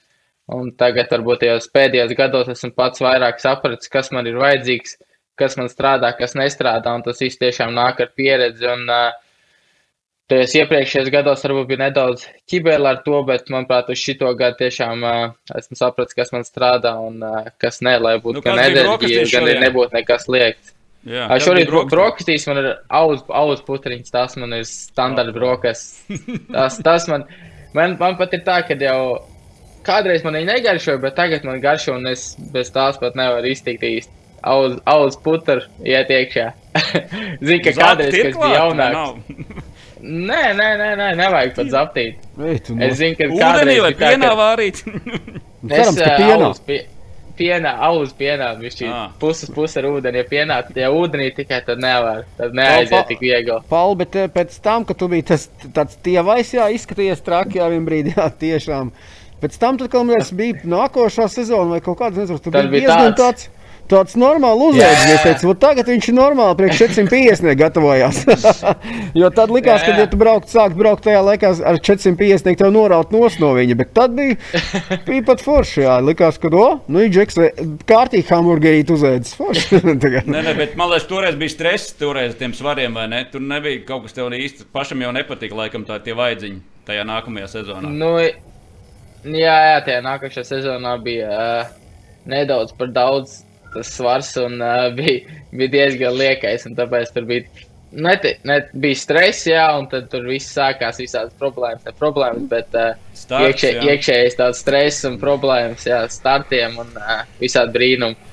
Bet nu, tagad jau, kas ir sezonā, vēl divi pus mēneši un uh, lēnām, lēnām iet tādā formā, kādā es gribētu būt uz sezonas starta. Mm. Klausies, nu mums tā kā jauniešu diēta, mēs varētu pārspēt Leonu vai ne? Jā. Mūsu vecuma jauniešu diēta. bet nu, tāds, nu, tas plāniņš tu neizskaties, bet, bet, bet mīkstiņš arī neizskaties. Nē, man bija tā, šo 20. gadā, kad es to plecu norāvu. Tad, zini, pēc tam trīs nedēļām tā rehabilitācija sākās. Es domāju, ne, nu, nu, nedrīkst, nu, jāiet tāpat kaut kas skriet, nu, nu, kaut ko, kaut ko. Un ar, Es sapratu, ka es neko vairāk negribu darīt. Pēc tam, kad sezona beigusies, to atkal es satraumējies. Ai, vai kāds divus mēnešus tā mierīgi laidīšu, kā ir. Tā ir ar, ar Kasparu. Mēs tur kopā dzīvojam, es viņu tur trenēju. Stupels? Jā, un, mm. un vienā brīdī, novembrī, es uzkāpu uz svariem. 93 kg. nu, Tuvojies normālam svaram. 93 kg. Es domāju, jomo, jo es trīs reizes kāpu no bikses velku nošķūru, no visu kaut ko, tad domāju, nevar būt. Un 93 bija. Un brauc mašīnā, skatos, vēders sāk parādīties tā, tā kā karājās pār. Domāju, jo, kā nu gan. Bet tagad, vakar uzkāpa uz svariem 86, 87. Nu, esmu tādā, tas svars man arī turās pie tā. Um, Ievēro Jā, nē, nu es skatos, jā, mēs zinām paši, ja tu esi bijis smagāks, tad uh, grūtāk ir loģiski. Viss jābūt, nu, man optimāli ir tas 87, 86, tas būtu ok. Vasarā ir 85, bet. Kāda pats... auguma? Metrs? 1,79 m. -hmm. nu, man tāpat ir par daudz, bet es esmu smags vienmēr bijis. Arī braucot ar mazākām klasēm, 125. Zinu, es biju vienmēr par smagu, bet nu, kaulu smagāk, vai nezinu, kas smagāk. Viss, nu, neko baigi nevar izdarīt. Prāts bet, lielāks. jā, bet no 93 šobrīd es ticu atpakaļ 87 un ir ok. Nu, bet, bet, nav tā, ka kaut kas baigi liekais būtu. okay, softiņš ir mums beidzies, veči. Tagad būs nopietnas sarunas. Tā, labi, liekam, nākamo bildi iekšā. Parunāsim par jaunajiem ceļiem un, un, un ceļu līdz tai, tai vietai, kur šobrīd ir Pauls un kur bija Roberts pirms pieciem gadiem ļoti tuvu. Faktiski jau bija nostabilizējies arī no MX2 klasē, kad nācās pārtraukt karjeru.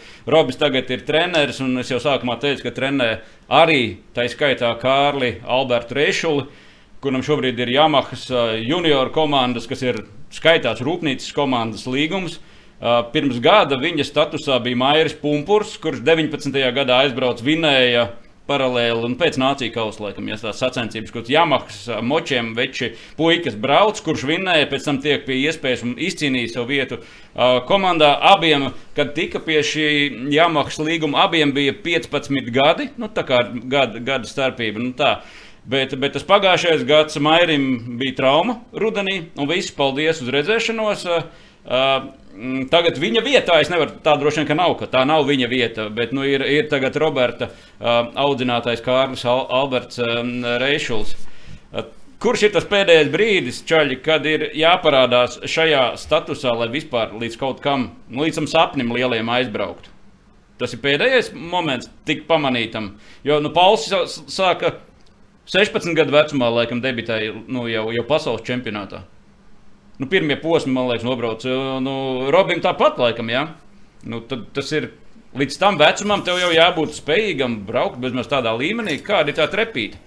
Nu, nē, nu, es domāju, ka tas ir, tas ir atkarīgs arī no finansiālā stāvokļa. Kādā tas braucējs ir, vai viņam ir tie atbalstītāji vai tie vecāki, kas var pavilkt to visu. Un vienkārši jāzina, tas, jās, jāsaprot to, ka katru gadu tas tas sports paliek dārgāks, jo tu brauc augstākā līmenī, jo tu, tas sports paliek dārgāks. Un, um, protams, ja tev, ja tev ir tā, ka nav tās uh, finanses uh, tik lielas, tad uh, tev ir jāparāda rezultātīgi. Uh, vai no 85 klasē, vai 125 klasē.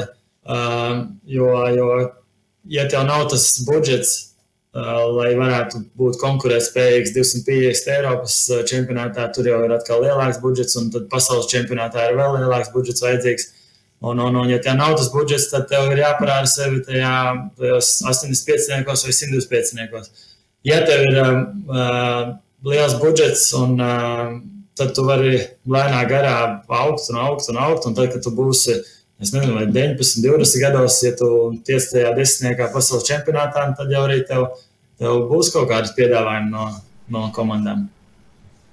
Nu jā, Paulam tas stāsts ir savādāks. Tu jau būdams nu, 9, 10 gadu vecumā nu, Latvijā bija diezgan pārliecinoši labākais. Pēc tam tur 11 vecumā divreiz junioriem vinnēja. Ar, uh, nu, ka, nu, Roberts ar, ar, ar brāli Augustu, ja brauc Holandas čempionāts. Ja? Nu, jābūt arī gatavam uz kaut ko tādu, ka mazā vecumā jau ir jābrauc prom, atrādīties, sajust to konkurenci.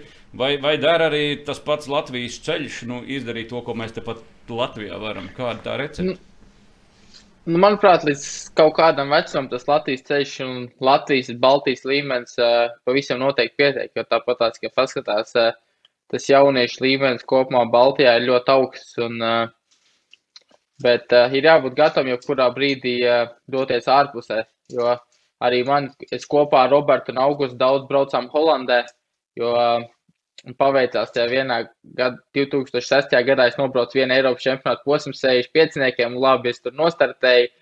Un tad uh, viens no holandietis, kas bija arī uh, Robertam un Augustam sponsors. Viņš atnāca manī un teica, ka es gribu, lai tu brauc nākošajā gadā Holandē. Es tev iedošu divus močus un uh, nosekšu visu ceļojumu izdevumus, lai tu brauc Holandas čempionātā. Tā kā mums bija jābūt gatavam kopā ar tēti, piekdienās lidojām uz Holandu pirmdienās lidojām apakaļ uz Latviju, lai brauktu Holandas čempionātā. Un tas uh, jauniešu līmenis Holandē ir vienkārši nenormāls. Es vēl tagad uh, bieži saku mehāniķiem, treneriem, saku, es atbraucu uz Holandas čempionātu un es uh, knapi kvalificējos. Knapi iebraucu 20. Es, manuprāt, ar 85. nekad nevinnēju Holandas čempionātu posmu, jo tur tā tie vietējie braucēji pa smiltīm ir nenormāli ātri. Un tās smilts ir pavisam citādāks nekā Latvijā. Ja es kopumā biju labs smilšu braucējs, tad pa Holandas smiltīm tas bija pavisam cits tāds dziļš špūres. Un, uh, Tā kā es domāju, tas vispār kopumā tas sports un jauniešu līmenis ir diezgan attīstījies tagad, kad uh, ir jācenšas pēc iespējas ātrāk izbraukt ārā, vismaz lai saprastu to līmeni, kāds ir Eiropā citur, lai redzētu arī tās pašas trases un, uh, un tos konkurences savējos. Es gribēju pieminēt par to sponsoru Vilniņu Hamstre, kas atbalstīja gan, gan mūsu brāli, gan Paulu. Gan tagad ir Reišaļiem viens no galvenajiem sponsoriem. Un pēc šīs Spānijas treniņu nometnes arī, arī Jākabam Hudulējam izteica piedāvājumu un arī Raulam Blumfeldam, tiem džekiem, kas trenējās ar mani. Tā kā, tā kā tas uh, Vilnius Hamstra ir, uh, jā, tāds varētu teikt, latviešu, latviešu sportistu atbalstītājs. Kaut gan arī, tā ir. arī ir atbalstījis kādreiz tos braucējus kā Herlingu vai Koldenovu, bet tagad ir pārgājis uz, uz Latviju. Forši. Kla, kla, Leon, šo, šo, klausoties jā, šo stāstu, un varbūt arī nu, druskuļi arī no malas to vērtējot. Uh, nu, tagad daudz uzvārdu jau puikas nosauc. Mm -hmm. 4, 5 čaļi, nu, kuriem tikai druskuļi vēl drusku jāpabrauc un mm -hmm. brauc tāpat kā Jonas. Uh, bet bet nu, iepriekš jau laikam arī mēs šitos stāstus esam dzirdējuši, kur tas viss apraujās, kurā brīdī. Nu, pie tā, ka teicis, pasakā, vairs nevar piedot, vai, vai, ne, kur, vai, vai paši braucēji tā kā nu, jākļūst par viņu Par vīriem? Nu, grūti tā pateikt. Jā, nu, reizēm jā, ir, kad liekas, ka jābūt, jābūt, jābūt, bet kaut kādā brīdī kaut kas salūst. Un, uh, nu, ne visiem ir lemts tikt, kā es teicu, ir tās vietas jau ir viena. Nu, tā, tā viena vieta ir, uz ko visi cenšas aizbraukt. Nu, pirmā vieta, nu, un, un, un tad, tad ir Es tā, man tā grūti ļoti pateikt, arī, ka, kāpēc, eh, kāpēc kāds pazūd vai nepazūd. Bet nav jau tā, ka eh, pazūd. Re, nu, Roberts bija ļoti ātrs un talantīgs, un viss bija kārtībā. Bet šis sporta veids ir diezgan nežēlīgs. Un, uh, tu vari būt topā, un viena trauma, otra trauma, un tev pasaka, vienkārši tu vairs nevari to darīt. Tad viens apstājās, kas bija talants. Nu, tad vēl kāds, vēl kāds kaut kur izskatās pats. Uh, Uh, augusts arī bija Bračka, viņam, nu, kas brauc tajā pasaulē, tur bija viss kārtībā. Bet, uh, traumas, baigi daudz arī izsaka traumas. Nu, re, kur pumpuram arī nu, bija, bija, bija. Trauma, un tagad mēs nezinām, kā atgriezīsies atpakaļ. Tas sporta veids ir tāds tā kā gaļmašīna. Nu, viņš tev neviens negaida īpaši nu, atpakaļ arī, arī Paula gadījumā. Nu, mēs nezinām, kā būtu, ja nebūtu tā trauma, kas notika pagājušā gada vasarā. Ja? Nezinām, arī pieņemsim tā komanda skatās. Nu, Negaidi īpaši, negaidi, kāds tu būsi vai nē, un ir kāds cits varbūt. Tad, nu, tā iekšējā virtuvē jau diezgan tāda, tāda, tāda, tāda arī viņi nestāsta visu apkārt, ko viņi tur domā, ko viņi nedomā. Bet, nu, jācer, ka šiem ceļiem visiem viņi visi var braukt labi un ātri, ir treneris viņam, kas padomus dod. Bet uh, svarīga lieta šeit ir tā veiksme. Veiksmes faktors un, un, un netraumēties un turēties tajā formā tādā, bet nu, Tāpēc eh, kā kuram ir dots tajā mm. sportā, un viens diezgan ātri beidz savu karjeru, un otrs, otrs atkal. Nevar tīri finansiāli arī tas ir. Viss no finansēm atkarīgs. Nu, labi, ok, varbūt paņemam kaut kā sašaurinām pavisam konkrēti, jo es, es nezinu tos visus stāstus, ne, ne, ne tuvu, bet, nu, piemēram, pa, palasoties par to pašu maira pumpuru stāstu, un liekas, nu, super, nu, Čāls aizbrauc tādā konkurencē, izkapā sev vietu vinēja tur vienu gonku, pēc tam treniņu nometnēs jau labi parāda. Ar viņu noslēdz līgumu. Pirmā trauma - brīvs.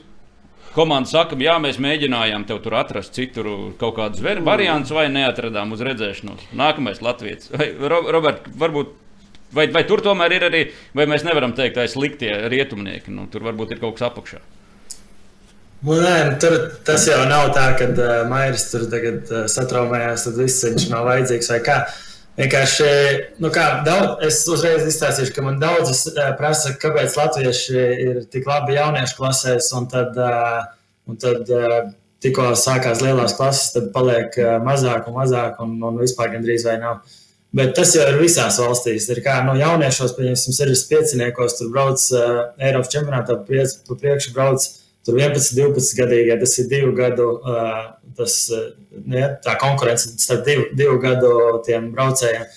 Tad 85. jau ir jau 3 gadi, ja nu, sanāk, tie braucēji, kas ir 13, gadi, 14 vai 12, 13, 14. Uh, tad 105. jau vēl lielāka tā konkurence paliek, tāpēc, ka sanāk no 15 gadiem līdz 18 var braukt. Un tad 250. jau no 15 līdz, no 14 līdz 23, un GP jau arī no.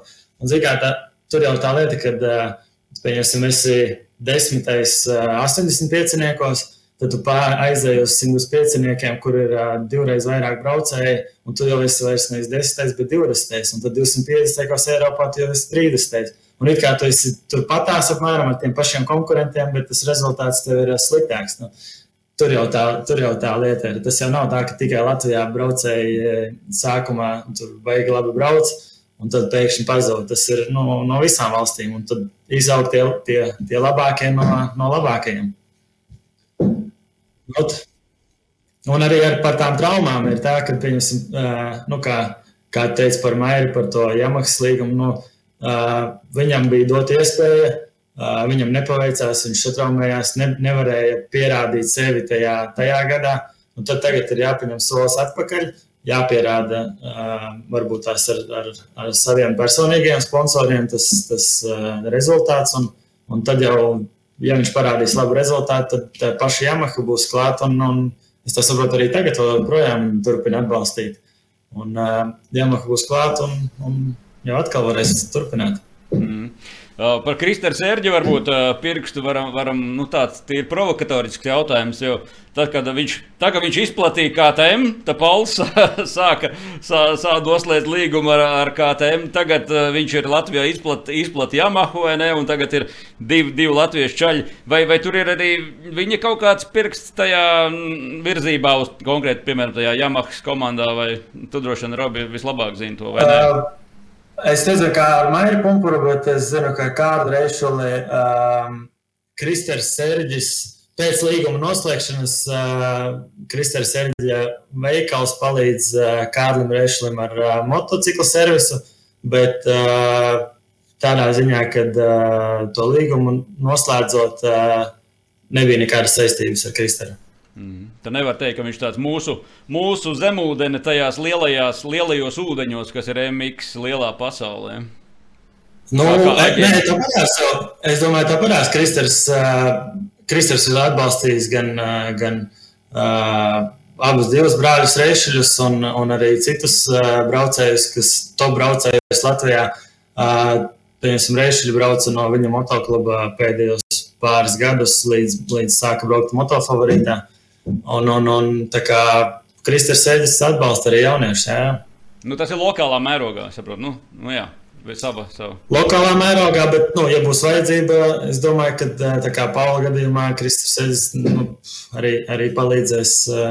Nu, tas jau jāprasa viņam, bet es domāju, ka kad, uh, viņam ir daudz kontaktu un viņš var palīdzēt arī jauniešiem.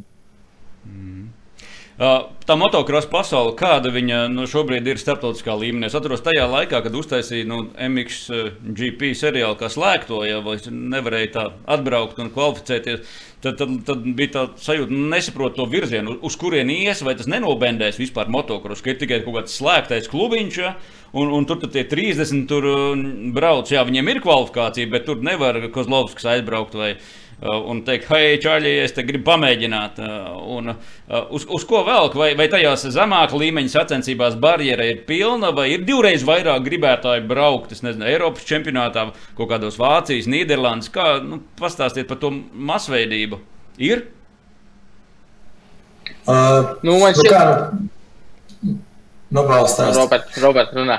Kā pieklājīgi. Nu, Pasaules čempionātā ir tā, ka uh, Pieņemsim, tas MXGP ir izveidojis kā, nu, varētu teikt, kā Formula 1, kad atbrauc tie braucēji ar tām komandām, atbrauc uz to sacensībām, un nu, viņi zina, ka viņi startēs, ja arī, pieņemsim, kaut kāda ķibela notiks vai kā no viņi brauks.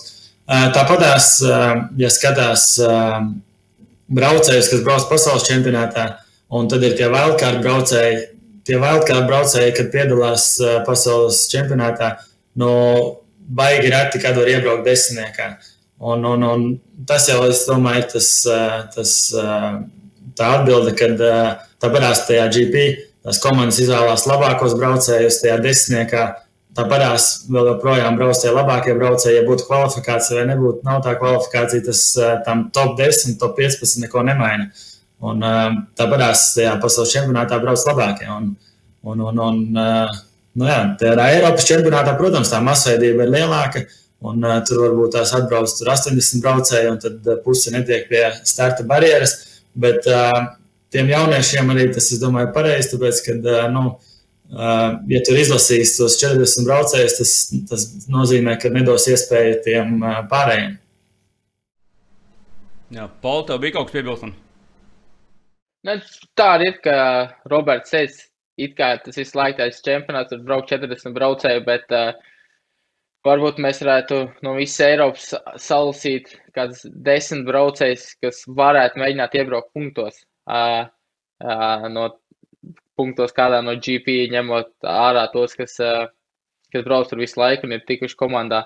Tā kā tas līmenis, es domāju, ir uh, kopumā ļoti augsts un kad, kad nav tā kvalifikācija, nav jākvalificējas ar 40. pavisam noteikti es domāju, nav ietekmējis to līmeni, un līmenis ir, es pat teiktu, būt vairāk audzis, un tas viņu mērķis ir vairāk virzīties tā MotoGP F1 virzienā, kad ir rūpnīcas komandas un satelīta komandas, kas, kas aizved divus, trīs braucējus katra posmu, un tad tur ir tie 30, 40 braucēji. Protams, katrā no valstīm vēl kāds wildcards, kā Roberts pievienojās, bet tiešām ir ļoti redzams gadījums, pat, kad tāds wildcards varētu tikt punktos. Jo uh, varbūt kādā Francijā, kur ir kāda specifiska trase, vai arī Holandē, Beļģijā, kādā dziļā smilšu trasē var tikt punktos, bet tas, ka paskatāmies to, kāds vietējais, jā, ka paskatāmies to startlistu uz uh, MXGP pirmajiem posmiem, tad uh, top 20 braucēji ir uh, tiešām pasaules elites braucēji, un tur ir grūti kādam aizbraukt viņam garām no malas, kas ienāk.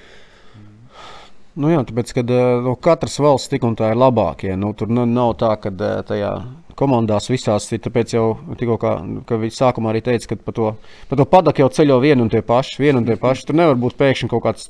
Nu, tie ir tie jaunieši, kuriem ir tā iespēja, viņi redz to, ko var sasniegt, tad viņiem būs tā iespēja sākt ceļot atkal no vienas komandas uz otru komandu. Bet Pauls uh, un visi šie topu braucēji Uh, tur nevar viņus nomainīt. Nu, tā paņemt un tagad paņemt citu kādu zviedru un ielikt uh, vienalga viņu vietā. Nu, pieņemsim, tāpēc ka nav tāda. Viņi jau visi tie, kas ir no katras valsts labākie startē tajā pasaulē un viss. Un tā kā tur nav vajadzīgs vairs baigā kvalifikācija, lai viņi ir tie 30 vai 40, ja viņi atbrauc jau, tad, tad, tad tie arī tie pirmie 20 tik un tā nemainīsies. Vienkārši atkarīgs no starta, vai tur viens aizbrauks uz priekšu vai otrs. Nu, baigi jau tās izmaiņas nebūs. Tagad no nu, 40 vietas kāds paķers startu nu, diezgan ātri. Viņš atkritīs tur atpakaļ, turpat tās 25. vietā, kur viņš ir, tur viņš arī ir. Nu, tā, kā, tā, kā, tā kā tas tops sev ir tops. Nu. Kādreiz manā laikā bija skaidrs, ka savādāk. Atbraucis pasaules čempionātā 86 gabalī un 40 tikai brauca pie starta. Nu, tad tev bija jātiek iekšā tajā kvalifikācijā, kas, kas bija nenormālas. Un tur tie, pieņemsim, itāļi, franči tajā laikā atbrauca. Bet nu, tie bija citi laiki, tad tev maksāja par to, ka tu brauc un tik uz starta. Tagad ir tā atšķirība, kad uh, maksā rūpnīcas braucējiem rūpnīca, bet nemaksā viņam šis te, nu, organizators vai kā mums, ka es tiku 40, kā man samaksāja šos 1000 šveicis frankus. Tagad tu maksā, es kā gribu, pieņemsim, ja es gribu ķegumā piedalīties pasaules čempionātā, man jāatrod 1000, lai es samaksātu, lai es tur varētu uzgāzēt. Un, eh, nu, nu, nu, tad, tad, tad, tad sākās jautājums, vai tas kādam ir vajadzīgs, tiem privātiem braucējiem vispār. Tur priekš kam tas būtu baigi vajadzīgs. Ja tev nevajag atrādīties kādam sponsoram vai kam, nu, tad, bet, eh, nu, tā, tā bija atšķirība ar maniem laikiem, kad es braucu pasaules čempionātu. Ka bija jāatbrauc un jātiek 40, lai tu vispār tiktu pie braukšanas.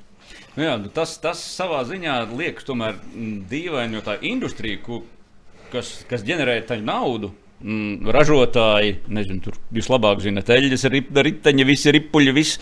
Tā taču ir dzīva nauda, ko viņi pateicoties uh, motokrosam iekasē, bet, bet, lai finansētu to, tad atliek tikai faktiski nu, apmaksāti var braukt tikai nu, 30 cilvēki. Nu, labi, Eiropā tas ir, Amerikā, protams, varbūt savādāk, bet uh, nu, tā, tā industrija jā, kaut kas nu, tur nu. līdz galam nav. Nu, Jā, nu es jau vienmēr teicu, ka tas motocross netiek tā novērtēts. Tas sporta veids ir mm, rītīgs un traks. Un, uh, tad, tad pašiem ir jācīnās par to izdzīvošanu reizēm un tā tālāk. Bet, uh, Nu, zato mēs darām to, ko citi nevar izdarīt. Un kaifs ir mums uh, savādāks nekā pieņemsim kaut ko citu. Nu, mēs nekad to ne, nemainīsim pret ko citu. Tāpēc es arī joprojām 36. sezonu braukšu mīlu šo sporta veidu, un foršs sajūta ir, ka tu vari palikties, izdarīt kaut ko, ko nevar citi izdarīt. mm. Tu esi braucis, eh, nu, protams, joprojām brauc krosus, tu brauc šo Francijas sacīkstu, kas ir divdienīgs. Ja? Nē, tā ir viena vien, vien diena. Nu, Francija tas ir vispār atsevišķs stāsts. Tas ir uh, adrenalīns, ko es noķeru. Man liekas, ka trīs mēnešus pēc tam vēl kaifoju no tā, jo tas ir tāds savādāks vispār. Un, tas stāsts, kad, kad, kad tu piebrauc un tas starts 1200 gabalu kaut kur startē, tu mauc pa to pludmali. Nu, man, es, gribu, es gribu visu paprovēt, jo man vairs nav tikai motocross. Gribu, tas, tas, tas, mm. tas, tas stāsts bija nākošais, kur es gribēju iet nākošā līmenī. Tad, nu, tas ir, to nevar izstāstīt, tas ir jāizbauda. Nu, Pauls paliks varbūt vecāks, varbūt kaut kāds viņam būs piedāvājums, vai aizbrauks, uzbrauks pa turieni. Dzirdējis es par tiem pludmales stāstiem, nu, tā Francija tas ir. Tas ir traki, tur ir fiziski, tur ir jāsaliek, un dažreiz es brīnos, jā, par to pašu Potišeku, kaut arī viņš brauc pasaules čempionātā, liekas, ka viņš, nu, viņš stabili tev zaudē, bet tur viņš ir, nu, liekas, ka cits asins ieliec iekšā. Nu, tas ir to izdarīt. Uh, pie tām stundām. Un Horenbeks pagājušajā gadā nu, nogāzās pēc finiša, un viņš vispār teica, ka viņš nekad neko dzīvē tik smagu nav darījis. Nu, mm. Viņš arī nu, nav jau tā, ka viņš nemāķi pa smiltīm braukt vai kā. Bet kā tev, Paul, mentāli, tu mentāli būtu gatavs drīzāk braukt šādā viendienniekā kopā ar 1200 tādā ārprāta barā? Vai, vai, piemēram, tomēr kaut kādā trakajā Dakāras, nu, nezinu, tur 11 dienu, nu, ka tomēr katrs par sevi cīnos ar saviem šitiem demoniem, un, ja būtu jāizvēlās viens vai otrs, kas ir vairāk tev? Nu, es domāju, tā, tā, ka to beach races uh, kādreiz varbūt gribētu pamēģināt, bet to varbūt tad, kad beigsies tiešām tā profesionālā karjera, jo uh, tas ir arī, kā Leons, tas ir cits adrenalīns, cits piedzīvojums, un uh, tas ir arī tajā pašā laikā ļoti bīstami, jo, kad paskatās, eh, kāda ir tā līmeņa starpība no tiem līderiem un kas ir tie pēdējie, nu, tā ir diena un nakts. Tur varētu, es domāju, Dāvidi tur varētu mēģināt arī braukt. Tur ir daži braucēji tādi, kas ar kājām vienkārši stumjās pa to trasi un pirmo reizi mocēž virsū. Un tāpatās arī ir pat aizbraucot tur uz treniņu, kur ir uh, tas Lundlāģis Francijā arī, tas, kur netālu noteikti tas beach race, tad uh, tur treniņos ir tādi braucēji, kad uh, nu, tu brīnies, kāpēc viņi vispār uz moča sēž, kādu prieku viņi no tā noķer. Viņi vienkārši sēž no kājām stumjās, un tas ir tiešām arī bīstam tajā pašā laikā, jo viens pa to taisnu nesās ar 150 km/h, un viens ir priekšā ar 30 km/h, un uh, tas pludmales smilstoši ļācās virsū, tas arī ir piedzīvojums. Nē, nē, tas ir tāds ir un tā, tas trases šaurums ir. Ja es pirmo reizi atbraucu, es domāju, nu, nē, ne, nevar būt. Nu, trases šaurums ir ra, ra, vietās ir šaurāks nekā motocross trases. Es domāju, kur tad visi paliks? Es domāju, nē, nē, uz to otro dienu pārtaisīs mums. Nu, tu nevar būt tik šaurs.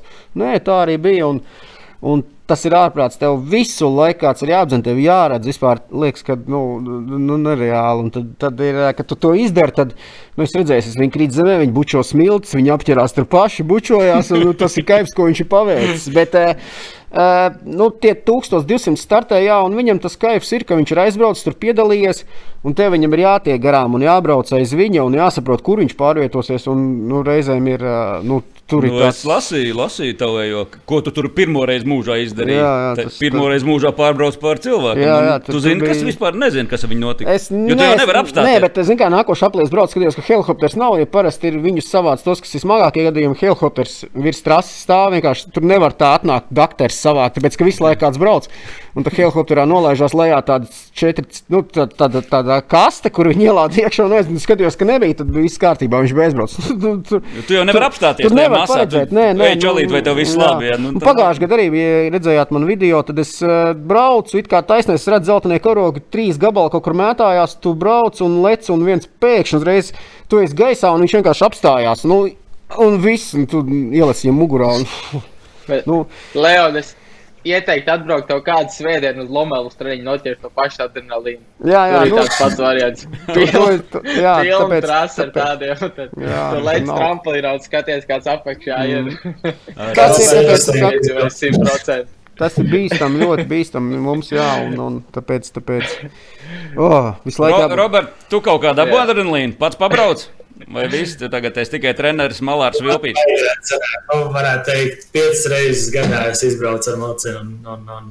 Nē, man, man baigi forši patīk, bet uh, tie darbi ir tik daudz, ka uh, pašam neatliek laika uzbraukt. Uh, un, uh, varbūt tās kādreiz pirms treniņa kādu apli izbraucu ar, ar kādu.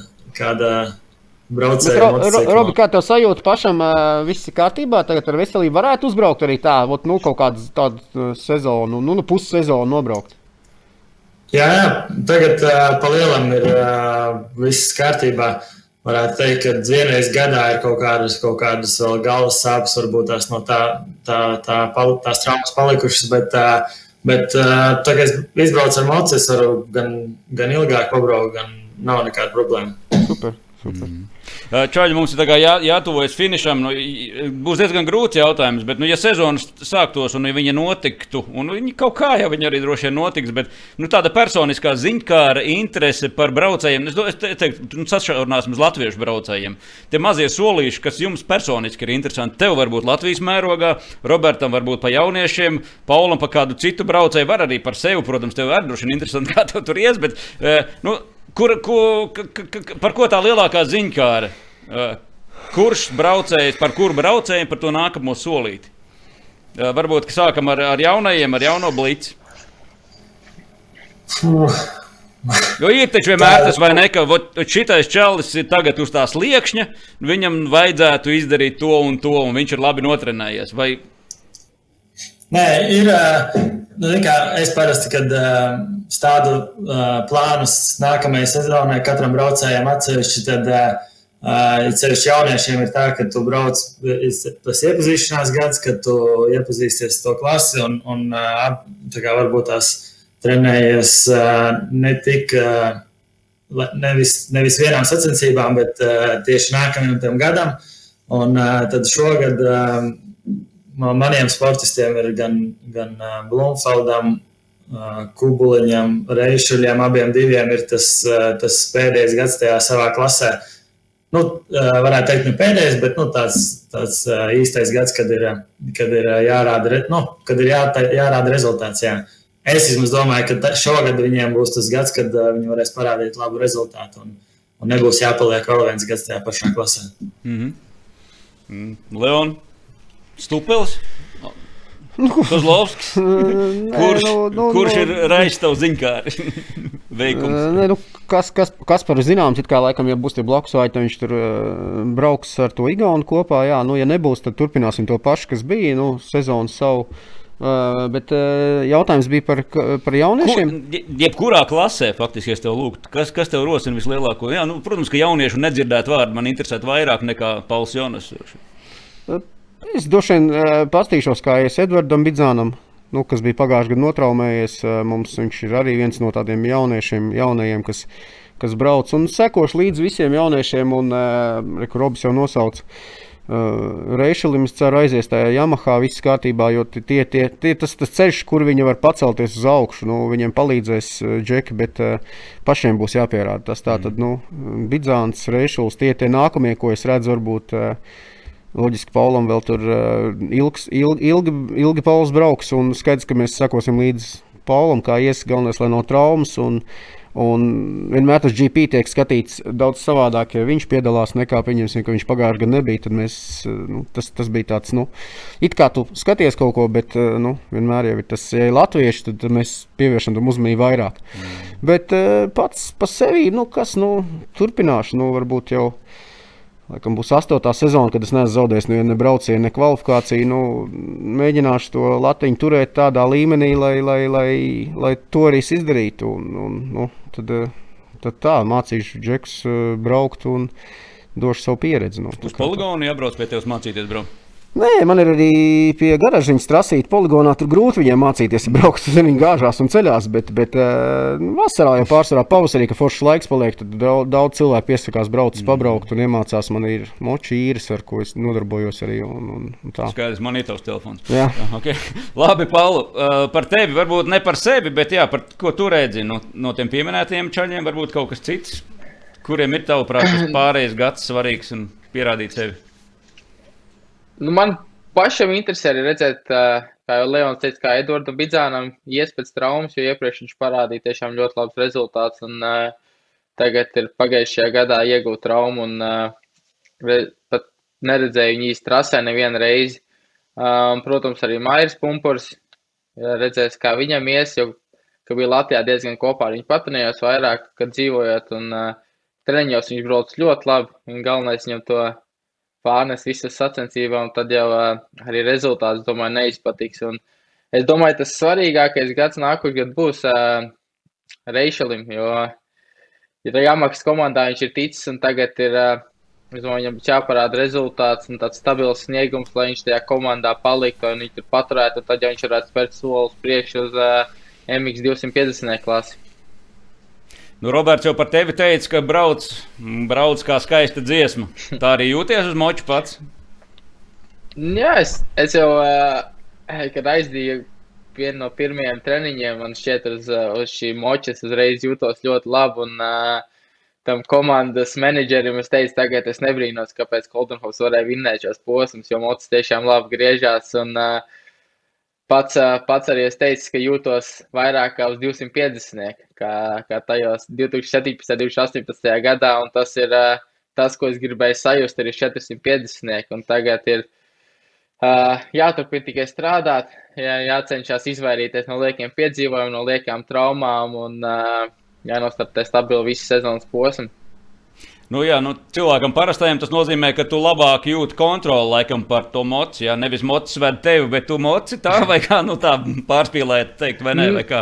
Mm, jā, jā, tā varētu teikt. Nu, es neteiktu arī, ka Husguāra būtu vadījusi man beigās, bet uh, es var, varu braukt, kā, kā es labāk brauc ar to mocu, varētu teikt, jo ar Husguāru man sanāca nedaudz pielāgoties motociklam, tam braukšanas stilam, bet tagad uh, varētu teikt, ka tas gazgas ir pielāgojies manam stilam un es varu braukt, kā es gribu. Nu, bet tas arī bija varbūt 450. pirmais gads, arī pagājušais gads. Ja? Tas bija. Nu, uh, nu, ne, tas jau otrais. bija ot, ot, à, otrais, otrais, jā, bet... otrais gads. Tas jau bija. Jā, bet. Uh, Es e, vairāk jau man jautāju, kāda tā starpība Husgāra un Gazgas. Manuprāt, jau uz papīra to visu uzlikt, tā starpība nebūtu tik liela, bet uh, kaut kā pēc sajūtām man šķiet, ka tas uh, mocis ir vieglāks un, uh, un es viņu vairāk varu kontrolēt un vairāk varu darīt, ko es gribu ar to mocīt. Un tāpēc tas ir, uh, kā jūs teicat, ir ļoti gudrs uh, uh, virsmehāniķis komandā un inženieris, kas to visu, visu saliek. Un, uh, Es viņam prasīju, kāds ir tas, kā, kā, kāda ir, kā, kā, kas ir tas, ko viņš tur izdarījis, ka tas mocis tik forši valdās un tāpat tajā pašā laikā ir tik ļoti jaudīgs. Un tad, uh, tad viņš teica, ka tas lai paliek noslēpumā. jo vienkārši tas, jo 450 kam tam moto regulējumi ir tik nenormāli daudz un tik nenormāli daudz iespējas, jo tas mocis ir tik jaudīgs, ka uh, to maksimālo jaudu nekādā gadījumā tu nevajag. Vienkārši ir jāuzliek tas regulējums uh, braukt tāds, ka tu vari braukt un kontrolēt viņu. Un, uh, tagad es jūtos, ka tas ir izdarīts. Čaļ, kas, kas ir tas, ko mēs varam cerēt no Paula? Varbūt nu, tādas expectācijas. Ir, nu, vakar es lasīju, ka Pauls bija pieminējis, ka Mocis ir spējīgs mani vest uz top 5 rezultātu. Tas, tas tā arī jā, jādomā tādās kategorijās, top 10, top 5, top 3. Kāda ir pareizā pieeja mentāli? Nu, Es domāju, ka viņi tāpatās katrs piebrauc pie starta un domā uzvarēt. Nu, tā, tāds, tāda līmeņa braucējs kā Pauls uzvarēt e, gribēs. Un, Bet viņam nu, jānobrauc sezonu līdz galam. nu, tas arī būtu mans novēlējums, nobraukt to sezonu līdz galam, un tad jau, tad jau, tad jau tad arī būs tas rezultāts. Ja būs līdz galam jau vienu gonku izšauju, otru gonku, jo tie pirmie pieci, desmit, viņš pats teica, nu, tur ir stipri. Viņi tur ir atkarīgs no startiem, no visiem. Ja viņš uztaisīs motociklu tā, ka viņi var aizbraukt no starta, viņš var aizbraukt. Tas jau būs ļoti, ļoti daudz, un redzējām, tas gazgas pagājušajā gadā cēlus startu sārā. Uh, tas pats Itālijas Montečēlī, kad uh, arī tā kā kā viņš teica, kā es teicu sākumā, svarīgi ir strādāt, eh, lai tev visu laiku uzklausa mehāniķis, tas inženieris, ko, ko tu gribi, un tad jau arī aizies. Nu, es novēlu nobraukt visu sezonu stabili. Uh, Top 3, top 5, to jau mēs redzam, gala, gala rezultāts, un tad jau var skatīties. Robi, būs jauni vārdi cīņā par titulu GP lielajā klasē. Vai tie paši viņi cīnīsies? Nu, es domāju, ka tie paši, tie paši būs, būs varbūt tās tur tas, nu, kaut kā Olsens un kas tur vēl no, no, 100, uh, no 250 aizgāja. Bet, uh, jā, liekam, Olsens un Vatsons, vai nu, jā, tie ir tie divi, kas, kas pārgājuši jau uz, uz, uz lielo mocu. Bet, nu, protams, Pagaidām nevarētu teikt, ka tie būs uh, kaut kādi galvenie pretendenti, bet uh, pie labas sagatavošanās, uh, ziem, priekš, pie, pie labas ziemas varbūt tās būs konkurētspēja kādā no posmiem. Mm. Nu, ko vīri faktiski apaļojamies? Pēdējais novēlējums tiem, kas gasē ar mocīšiem, bet brauc pa Gaujas senleju vai, vai kur. Vai tad, droši vien jums jau arī tos pārmetumus nākās ikdienā dzirdēt, ka jūs esat psihe, poligoni, izbraukā sēņu vietas vai visi slikti, visi slikti. Kā, kāda ir tā kopējā kultūra vispār, ko novēlēt, lai par šitiem dūliem benzīna galvām, nu tomēr cilvēki tā, nu labi, viņi ir dūli, bet tā ir viņu pasaule. Lai pārējā pasaule viņus liek mierā. Nu, ko, lai brauc trasēs, nevis, nevis Jā, nu, ko, ko, ko īpaši novēlēt? Nu, man... Man jau ir tagad arī problēmas. Tur poligonā ir atradušies 4, 5, 6, kuriem traucē troksnis, kilometru viņš dzīvo, un viņš sāk tur teikt, ka viņam traucē. Un ka viņam paprasa jautājumu, kas tev netraucē, ka tev ir uh, armijas bāze blakus un no ceļiem kopā. Mēs tur braucam un tusējamies. Tad viņš saka, nē, no tiem es cīnīties nevaru, bet es jums, ar jums cīnīšos. Tad es Tad, ko man viņiem teikt? Nu, es gribu novēlēt viņiem, lai viņiem netraucē daudz citas dzīvē. Nu, nu, mēs viņiem sports ir tas, kas palīdz attīstīties, nevis sēdēt mājās un vienkārši iziet ārā un klausīties, o, rūdz, vai rakstam iesniegumu. Jā, nu. mm. Tā kā, nu, kas tam mums, mums jau viss būs, mēs jau esam izdarījuši. Mm, tiem, kas ir, kam traucē, lai brauc pamēģina, nu, kā, kā tas ir pabraukt ar motociklu. Nu, braucam tur, kur drīkst braukt, man liekas. Vai ne? Tas pavisam vienkārši. Tad jau tās pārējās problēmas būs viņa problēmas. Mm. Uh, paldies, Jā. vīri! Lai mums forša vasara! Jā. Pavasaris gaisā! Paldies! Tiekamies pie startiem! Paldies! tā! Jā. Čau, čau! Čau! čau.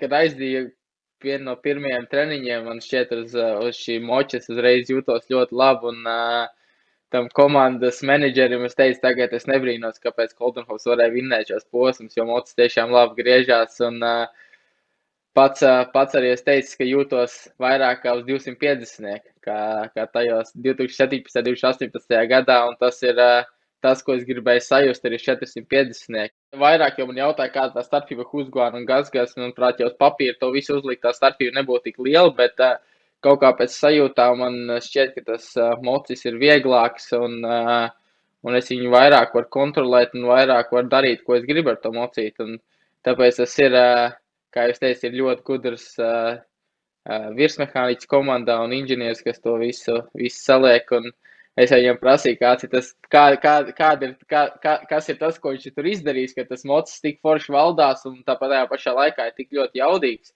Un tad, uh, tad viņš teica, ka tas lai paliek noslēpumā. jo vienkārši tas, jo 450 tam moto regulējumu ir tik nenormāli daudz un tik nenormāli daudz iespēju, ka tas motos ir tik jaudīgs, ka uh, to maksimālo jaudu nekādā gadījumā tu nevajag. Vienkārši ir jāuzliek tas regulējums, uh, braukt, tāds, ka tu vari braukt un kontrolēt viņu. Un uh, tagad es jūtos, ka tas ir izdarīts.